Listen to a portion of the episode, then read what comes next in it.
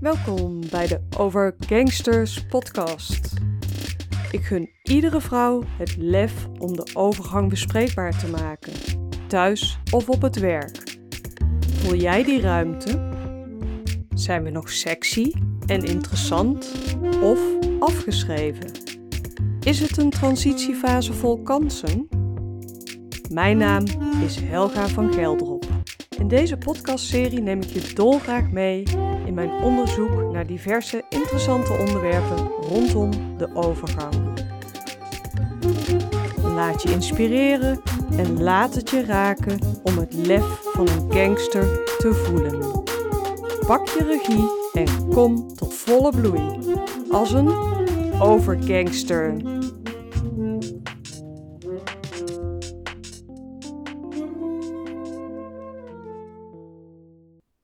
Alsof je in IJsland zit en ineens ongevraagd in de Costa Brava wordt neergezet midden in de hete zomer.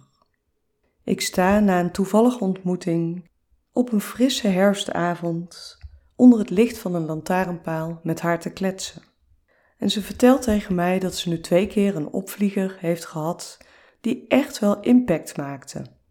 Haar partner had meteen gevraagd hoe dat nou voelde, of zij dat kon omschrijven. En toen had ze tegen hem gezegd: alsof ik in IJsland zit en ongevraagd, midden in die hete zomer, aan de Costa Brava wordt neergezet. Helemaal plotseling.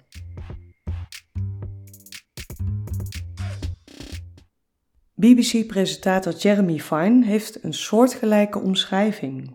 Hoe komt hij daar nou bij?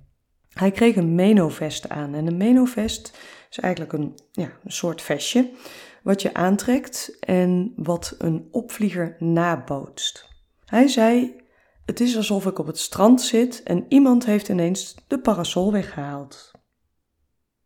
Het menovest waarmee die opvliegers worden nagebootst is bedacht om meer begrip te krijgen voor de overgang in werksituatie. Het is lastig om uit te leggen wat je nou als vrouw echt ervaart als je een opvlieger hebt en wat de impact daarvan is op het werk.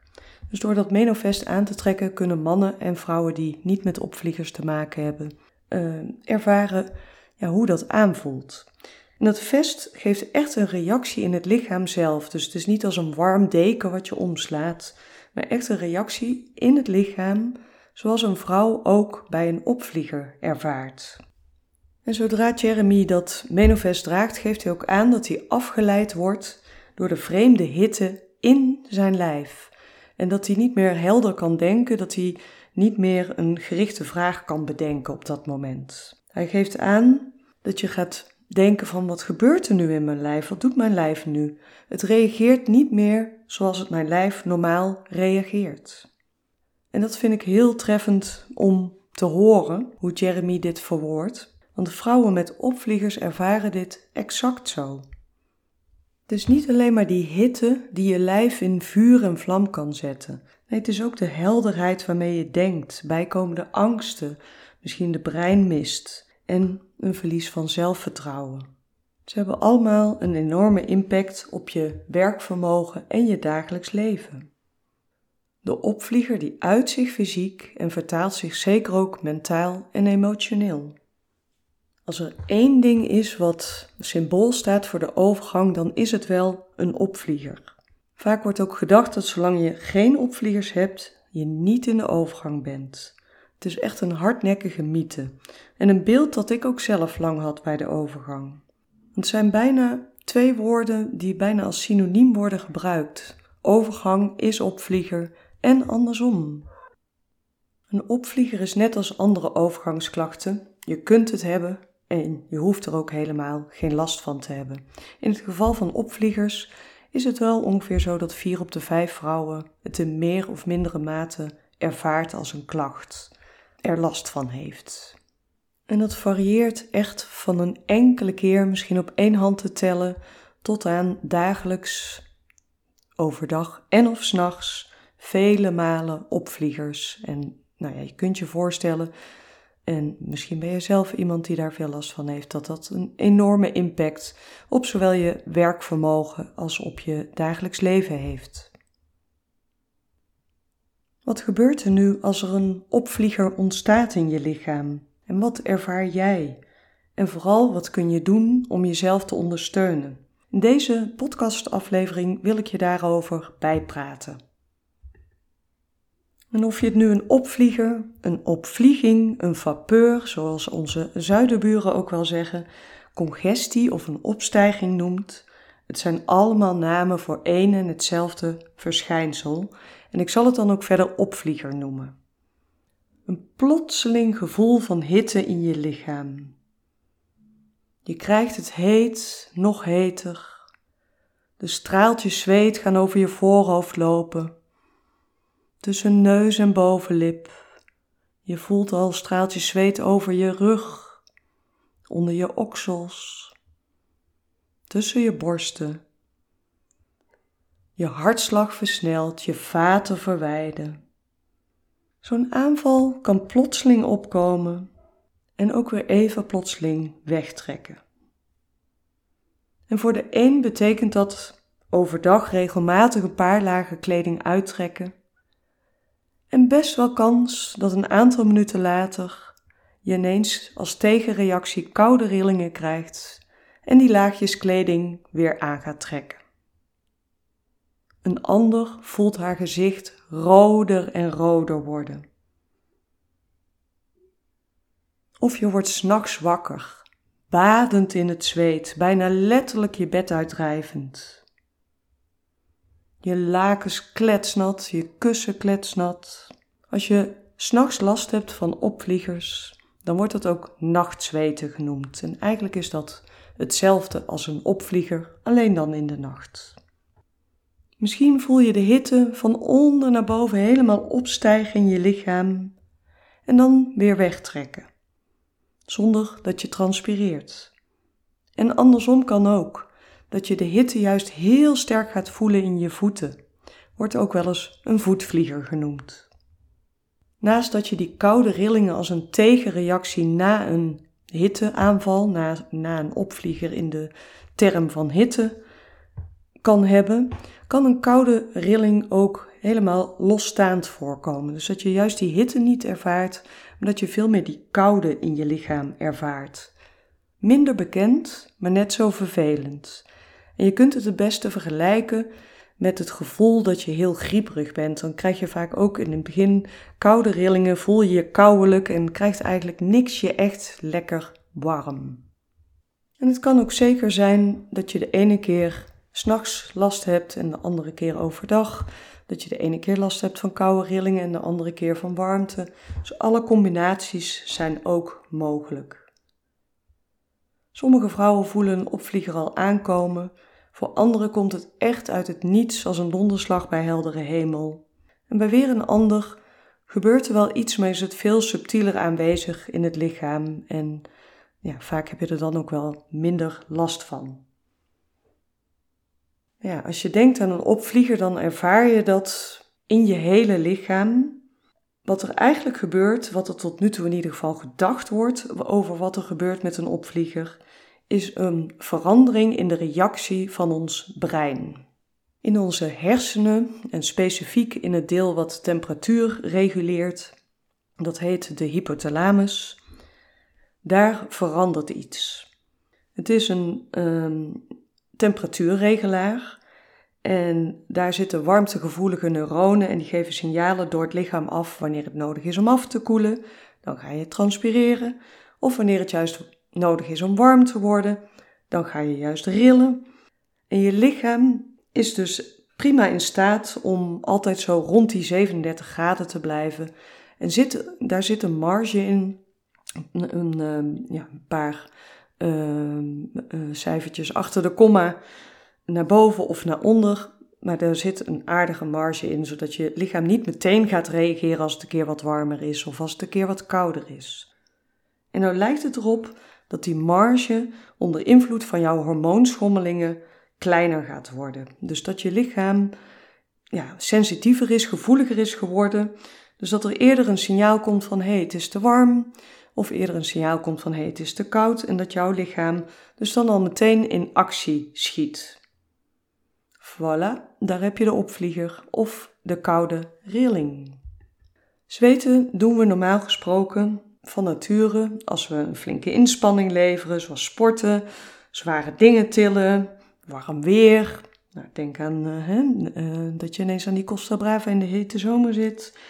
En ook bij emotionele spanning. En die zweetklieren die zorgen dan voor een laagje transpiratievocht op je huid. En doordat dat verdampt, koelt je huid af. En daardoor koelt jouw lichaam af.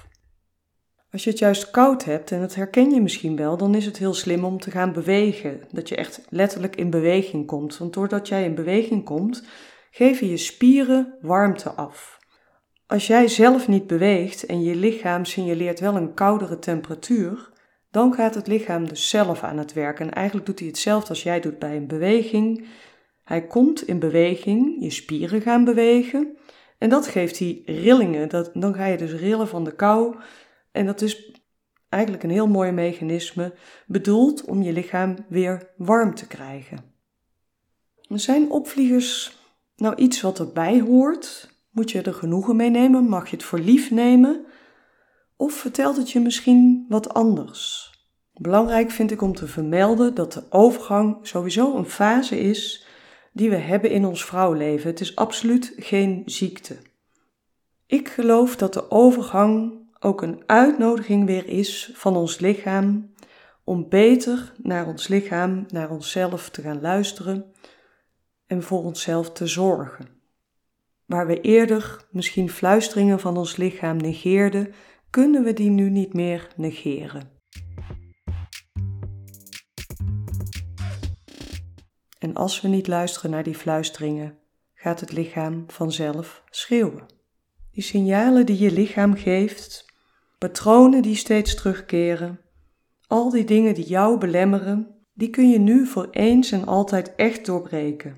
En wat daar eigenlijk wel handig bij is, is dat het zorghormoon begint af te nemen in de overgang. Dus je zou bijna zeggen, dat is niet voor niks. Daardoor wordt het gemakkelijker om onze eigen verlangens te horen, om daarnaar te gaan luisteren.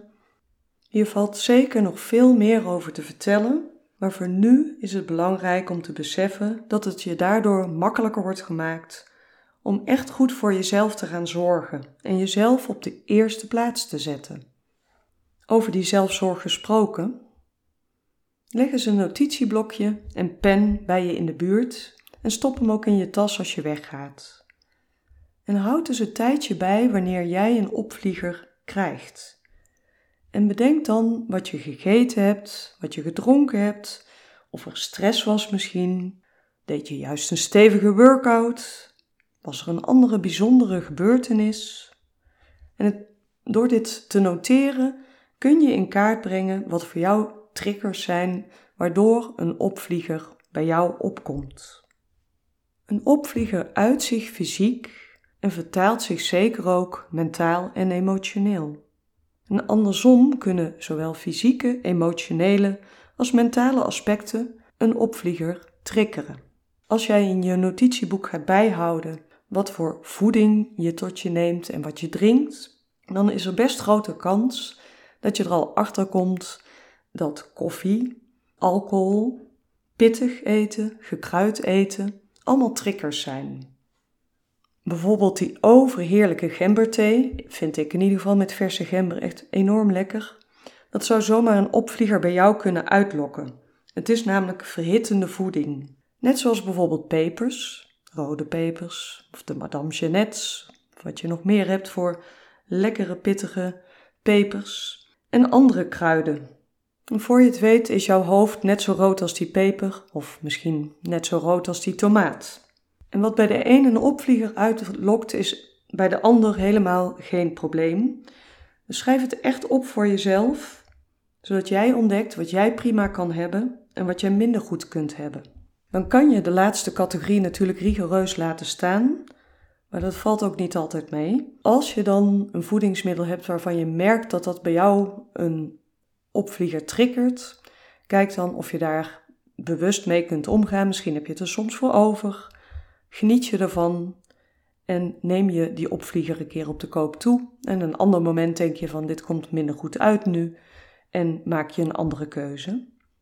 Door alcohol te drinken verwijden je bloedvaten en zo zie je snel zelf eruit als dat heerlijke glas Merlot. Je krijgt rode konen, de warmte kan je hele lichaam in beslag nemen. Nou hoor ik regelmatig, en dat snap ik ook helemaal, ja Helga, we hoeven toch niet alles te laten? Nou, natuurlijk zeker niet. Sowieso is het altijd een overweging van jezelf.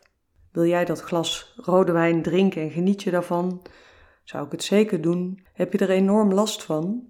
Ontdek dan eens of misschien een ander drankje wat je ook lekker vindt een mooie vervanging is. Misschien dat je een mooi glas witwijn hebt wat beter valt bij je. Of is er nog een ander drankje waar je van geniet?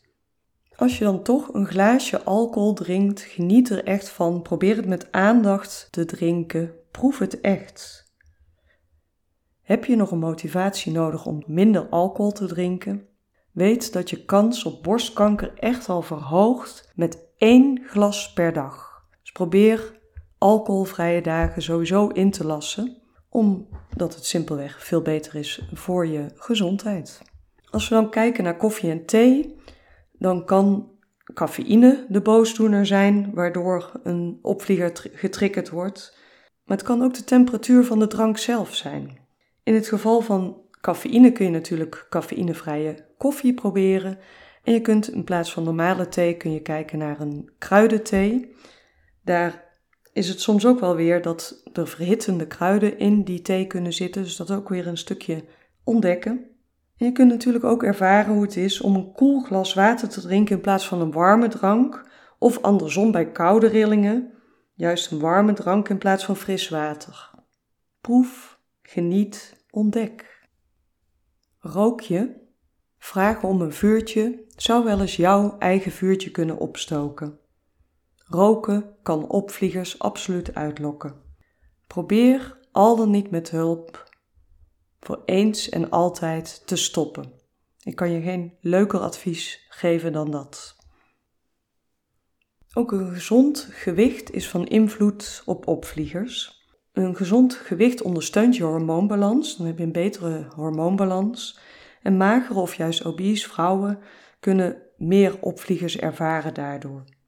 Weet je zelf niet waar te beginnen? Zoek dan hulp om je eetgewoonte ondersteunend aan jouw gezondheid te laten zijn. En dat is ook weer heel persoonlijk, je keuze daarin. Kleine stapjes maken is natuurlijk veel makkelijker dan meteen hele grote reuzenstappen maken. Dus begin klein met dingen die het makkelijkst voor jou zijn om te veranderen.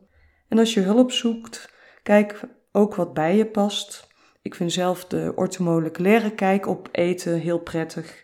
Maar ook hier geldt, dat is heel persoonlijk. Dus zoek iemand waar jij vertrouwen in hebt en waar jij mee aan de slag gaat om je eetgewoonte uh, waar nodig aan te passen. Nachtzweten kan ons enorm uit de slaap houden. Zorg daarom voor een koele slaapkamer en kijk of je onder laagjes kunt slapen in plaats van onder één dik dekbed waar je s'nachts ineens helemaal van je af moet slaan en helemaal niks meer uh, hebt om onder te liggen. Dus kijk of je onder laagjes kunt slapen. En probeer ook uh, geen synthetische materialen te gebruiken, maar ademende, natuurlijke materialen, waardoor het meer absorbeert ook. In een eerdere aflevering had ik het al over je nacht weerspiegelt je dag. Dus ook wat je overdag doet kan invloed hebben op de nacht en zeker ook op opvliegers. En daar kun je misschien inmiddels wat bij voorstellen qua voeding, qua drank. Ehm, maar ook qua eh, wat je overdag aan ontspanning doet. Dus kijk eens of je wat ontspanning gedurende de dag kunt inbouwen. Misschien een yoga nidra, een ademoefening. Natuurlijk ook een wandeling maken. Dat wat bij jou past, waardoor jij ontspant. Word je eenmaal badend in het zweet wakker, dan heb je grote kans dat je ook nog eens in piekermodus belandt en helemaal niet meer kunt slapen. Nou, dat gaat een nachtje goed, nachten misschien ook nog wel, of af en toe een nacht. Maar als dat iedere nacht gebeurt, dan is dat echt slopend. Reden te meer om het notitieboekje ook dan bij de hand te houden en nog even op te schrijven wat eraan vooraf ging, wat er die dag is geweest, wat je, waarmee je je gevoed hebt. Om zo in kaart te brengen wat bij jou de opvlieger triggert en dat nachtzweten triggert. Net als je beddengoed is het fijn om of het nou overdag of s'nachts is, als je kleding draagt, kleding te dragen van ademende en absorberende natuurlijke materialen. Denk aan laagjes. Het bekende beeld van de middelbare vrouw is daarbij echt tekenend. Het werkt wel. Onderdruk jij je emoties, al dan niet bewust, dan is dat echt als die strandbal die je maar onder water blijft duwen. Op een onbewaakt ogenblik vliegt die strandbal omhoog en komt de emotie alsnog naar boven. Zou de opvlieger misschien ook die strandbal kunnen zijn? Emoties die niet gezien worden, komen aan de oppervlakte. Zo kan je bijvoorbeeld ogenschijnlijk totaal uit het niets ontsteken in woede, enorm verdrietig worden of ineens heel prikkelbaar zijn. breng ook eens een kaart waar jouw energie aan opgaat. Als je je notitieboekje weer voor je hebt, maak dan eens twee kolommen. Schrijf aan de ene kant je energievreters en aan de andere kant je energiegevers. Dat inzicht kan je helpen om bepaalde keuzes te maken. Ervaar jij stress? Slaap je slecht? Heb je weinig tijd voor jezelf? Pieker je veel? Allemaal redenen waardoor de kans dat opvliegers verergeren aanwezig is. En een eerste reactie is misschien dan wel van: oh, ik moet echt beter voor mezelf zorgen. Ik moet ontspannen met grote hoofdletters. Daar zit meteen al druk op. Je moet iets van jezelf, waardoor het echt het zoveelste ding op jouw to-do-lijst wordt. Hoe meer we onszelf pushen, hoe meer we aan dingen vasthouden, hoe meer opvliegers verergeren. Heel irritant natuurlijk dat je weet dat je dan in een visueuze cirkel vastzit. Maar andersom kan het ook. Hoe meer je de opvlieger over je heen kunt laten komen, misschien als een golf van de zee, hoe meer ontspannen we kunnen blijven, hoe minder erg we ze ervaren en hoe minder erg ze vaak ook worden. Interne stress, stress bij voorbaat, een wat als ik dadelijk tijdens die presentatie een opvlieger krijg, of ik voel dat ik een opvlieger heb en wat als ze dat nou zien, dat geeft alleen maar meer stress. En het kan dan ook helpen om simpelweg te benoemen dat je op dat moment een opvlieger ervaart. Wat helpt om niet een hele grote druk op je to-do-lijst te zetten en wel meer te ontspannen, is om op kleine momenten ontspanning in te bouwen. En het kan al zijn op het moment dat je koffie gaat halen of naar de wc loopt, dat je even heel bewust loopt, dat je iedere stap ervaart, het contact van je voet met de ondergrond voelt. Of je neemt even een adempauze. Je richt je op je adembeweging en je gaat kijken of je de uitademing twee keer zo lang kunt laten zijn als de inademing.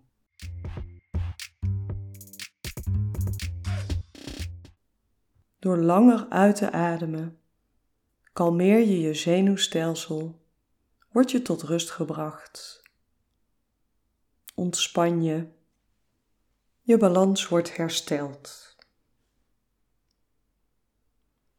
Nog even in het kort samenvattend. Opvliegers kunnen zich op verschillende manieren uiten, overdag en of s'nachts, met hitte en of koude rillingen Houd jij het hoofd koel tijdens de overgang? Voed jezelf met ondersteunende voeding, drinken, helpende gedachten, ademoefeningen, ontspanningsoefeningen en beweging. Bij slaapproblemen en stress luister zeker nog eventjes aflevering 2 van deze podcastreeks. Je nacht weerspiegelt je dag. Om je te ondersteunen bij ontspanning deel ik in de volgende aflevering een ademoefening die je meteen kunt meedoen.